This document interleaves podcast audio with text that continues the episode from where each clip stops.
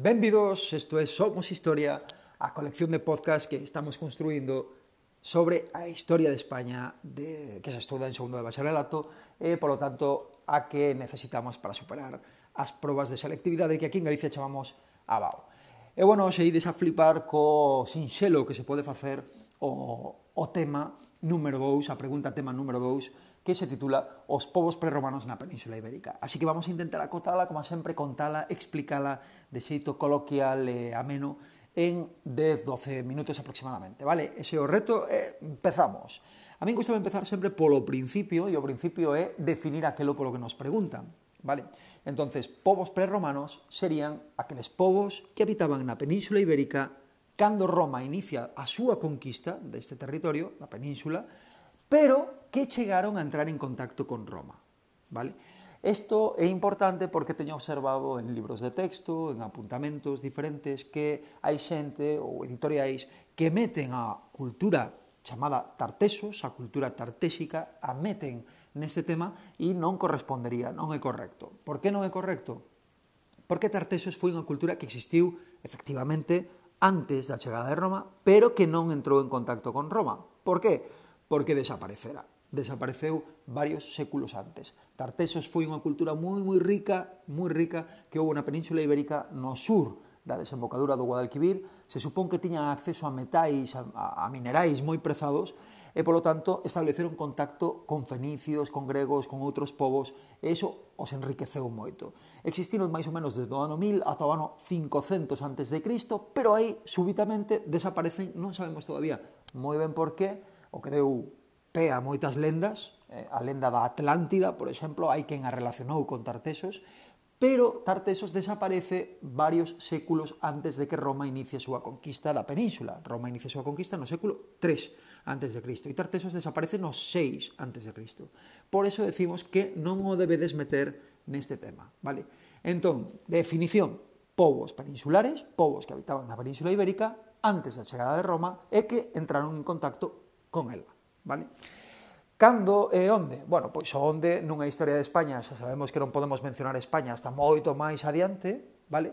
Entonces falaremos de Península Ibérica. Cando? Pois tedes varias formas de decilo.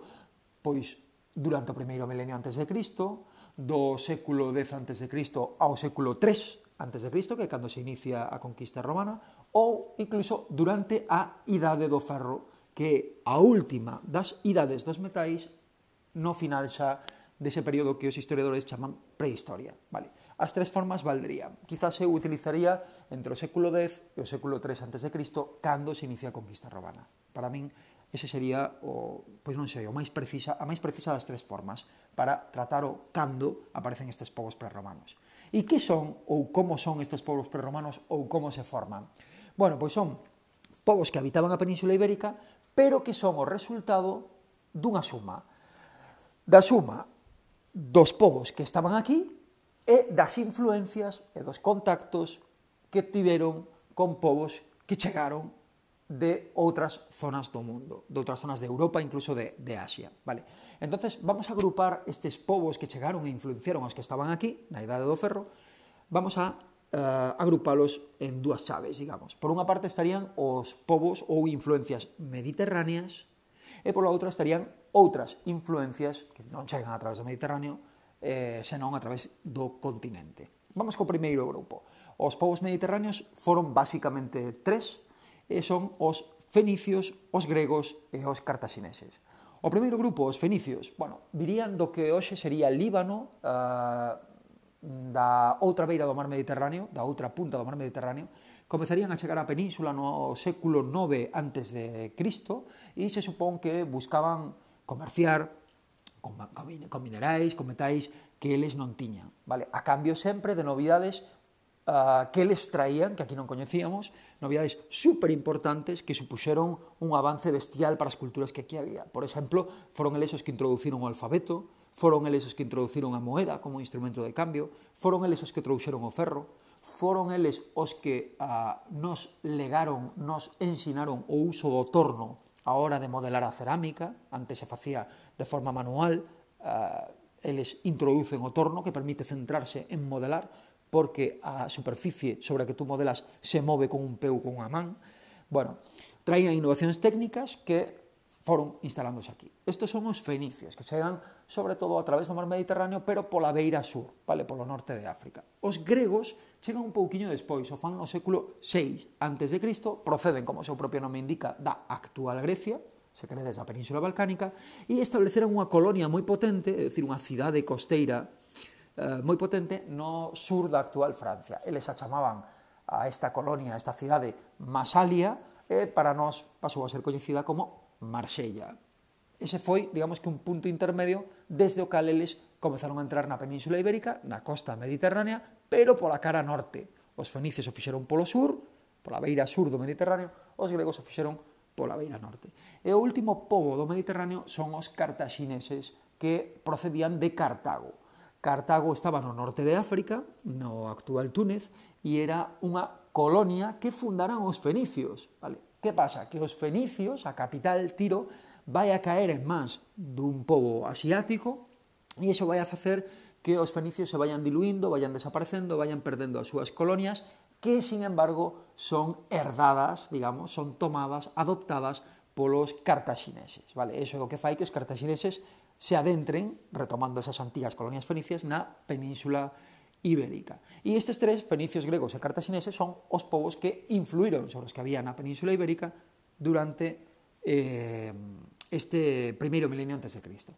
Pero dixemos que había unha cuarta influencia, unha segunda chave. E a segunda chave, outras influencias, serían estaría ocupada polos celtas. Os celtas eran povos independentes, diferentes, pero que se unía algo que era o uso dunha mesma lingua, o uso dunha mesma cultura, dos mesmos costumes eh, viñan da zona centroeuropea e van atravesando o continente cara ao oeste, cara onde estamos nós, e se introducen, penetran a Península Ibérica en dúas ocasións, no? en dúas ondadas, digamos. O primeiro momento é no século IX a.C., dun xeito moi tempraneiro, se queredes, o fan máis ou menos cando os fenicios están chegando á Península Ibérica, e o segundo momento no século VI, cando os gregos están chegando tamén á Península Ibérica. Vale, o fan en dous momentos.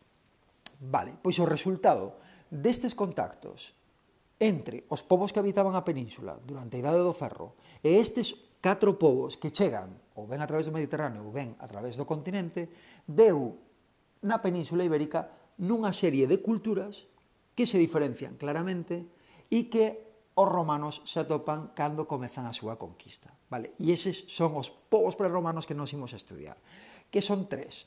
Son os íberos, os celtas e os celtíberos, vale?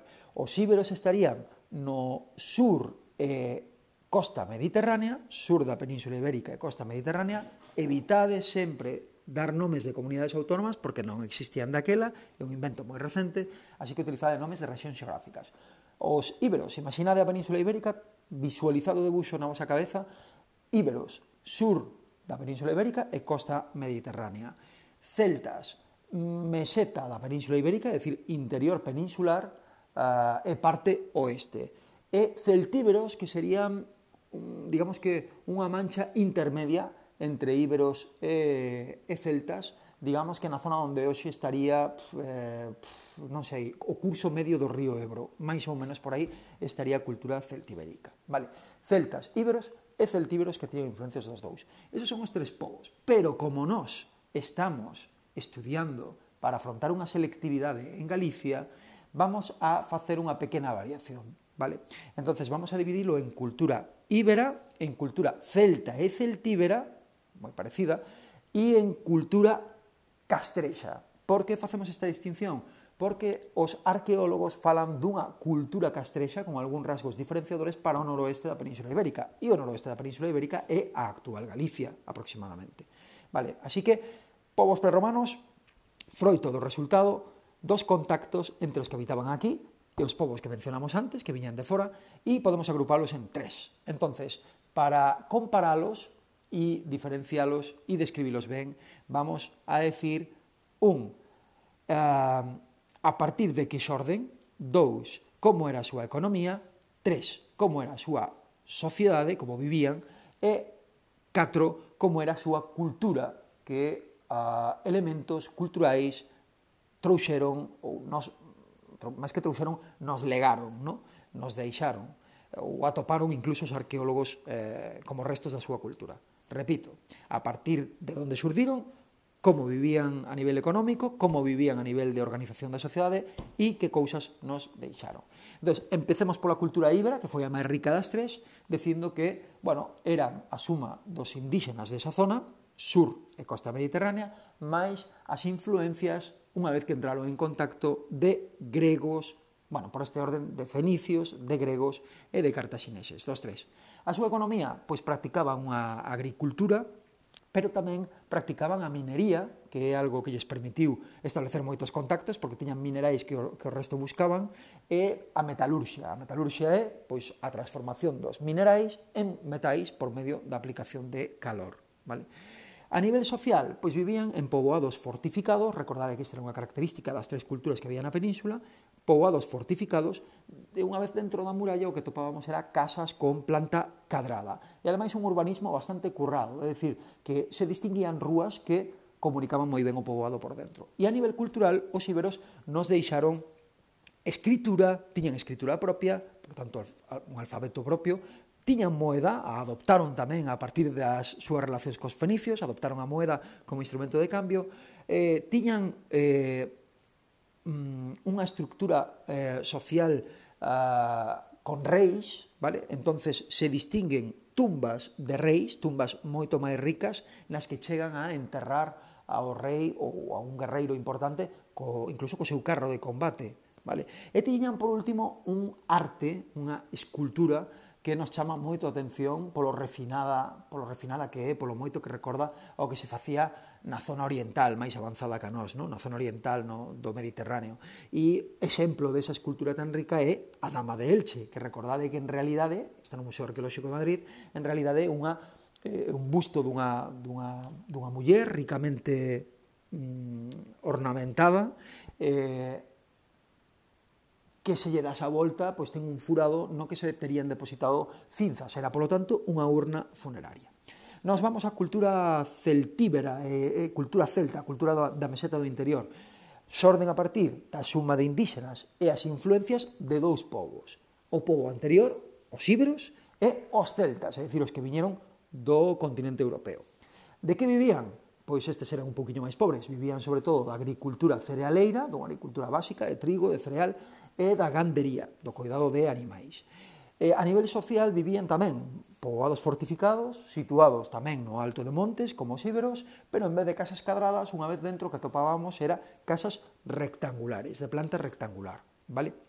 E a nivel cultural, pois non estaban tan avanzados como os íberos, vale? De feito, por exemplo, un elemento que nos permite comparalos é a súa arte, a súa escultura tamén, era moito máis ruda, e pouco naturalista non lograba representar con tanta fidelidade aquilo que quería. Non? Un exemplo de escultura celtíbera sería os touros de Guisando, vale? unha serie de, de, de bois, de touros, que están a, agrupados a, a, ao aire libre e que, bueno, son un pouco máis, bastante máis rústicos que a Dama de Elche, por exemplo. E, por último, o último grupo, e xa rematamos, sería os povos do norte e oeste da Península Ibérica, o que nos imos a chamar cultura castrexa, que xa dixemos que, bueno, a maioría o relacionan coa cultura celta, pero nos imos a facer unha diferenciación. Son o resultado da suma dos indígenas que vivían aquí e as influencias que lles chegaron eh, do mundo celta, vale? Influencias celtas. Eh, a súa economía pois era un pouco unha mestura dos dous povos anteriores, porque eles tiñan agricultura, tiñan gandería, pero tamén controlaban o acceso aos minerais, é dicir, practicaban a minería, e destacaron nunha metalurxia concreta que é a metalurxia do ouro, a ourivaría. Vale? A metalurxia do ouro. Pensade, por exemplo, nos torques, nas arracadas que eran pendentes, nos colares, nos brazaletes que se teñen atopado aquí en uh, contextos castrexos, vale? en contexto de castros. Como vivían a nivel económico? Pois dunha... Bueno, oh, perdón, o acabo de decir, agricultura, gandería, minería e metalurxia. A nivel social, como vivían? Pois o mismo, vivían en poboados fortificados, moitas veces no alto de montes e unha vez que entrábamos neles atopábamos casas, ollo, nin cadradas, nin rectangulares, senón circulares, vale? É certo que hoxendía, cando visitedes algún castro, atoparedes casas cadradas ou rectangulares, pero foron unha influencia romana, é dicir, cando os romanos conquisten os castros, os que habitaban os castros empezan a facer construccións cadradas rectangulares, pero ata entón sempre as facían circulares, ovaladas, elípticas, se si queredes, con formas redondeadas. Vale?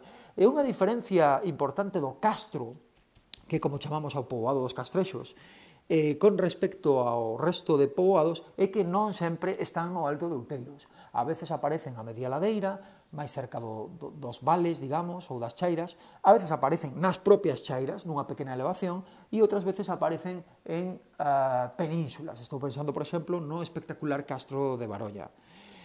E por último, a nivel cultural, pois o que nos quedou deles foi uh, moito menos, que no caso da cultura íbera eh, era unha cultura menos avanzada, non tiñan escritura, tampouco pensamos que tiñan moeda, porque non aparece moeda a non ser despois, cando xa os romanos se conquistan, pero que destacaban polo seu dominio, como dixen antes, da metalurxia do ouro e por unha escultura mm, un pouquiño tosca tamén, que consistía sobre todo, ou polo menos eso é o que chegou a nos, en a guerreiros que aparecían moi ríxidos, cos brazos pegados ao corpo, con un escudo, incluso algunha arma, e que suelen aparecer nas inmediacións do poboado dos castrexos, que era o castro. E ata aquí o tema número 2, me pasei un pelín, pero espero que vos gustase, que vos resulte de axuda, que vos deixe claro e que vos entretuvera tamén eh, que era isto dos povos prerromanos na Península Ibérica. Lembrade que se vos gusta, dadelle difusión, porque a idea é que isto sirva non só para o meu alumnado, senón para todos aqueles que en Galicia estáis preparando a historia de España ou a selectividade, ou para todos aqueles que vos guste simplemente coñecer, recordar eh, a nosa historia. Así que, bueno, Quedo á espera da, pregunta número 3, tamén dos vosos comentarios, e vos mando unha aperta e moito, moito, moito ánimo para este curso. Vamos alá, chao!